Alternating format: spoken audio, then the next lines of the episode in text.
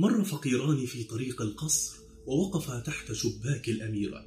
فرفع الفقير الأول يديه وقال رزقي على الله. فرمت إليه الأميرة درهما. ورفع الثاني يديه وقال رزقي على الأميرة. وراح يكيل لها الملح فجاءت الأميرة برغيف من الخبز ودست فيه خاتمها الألماسي ورمته للفقير الثاني.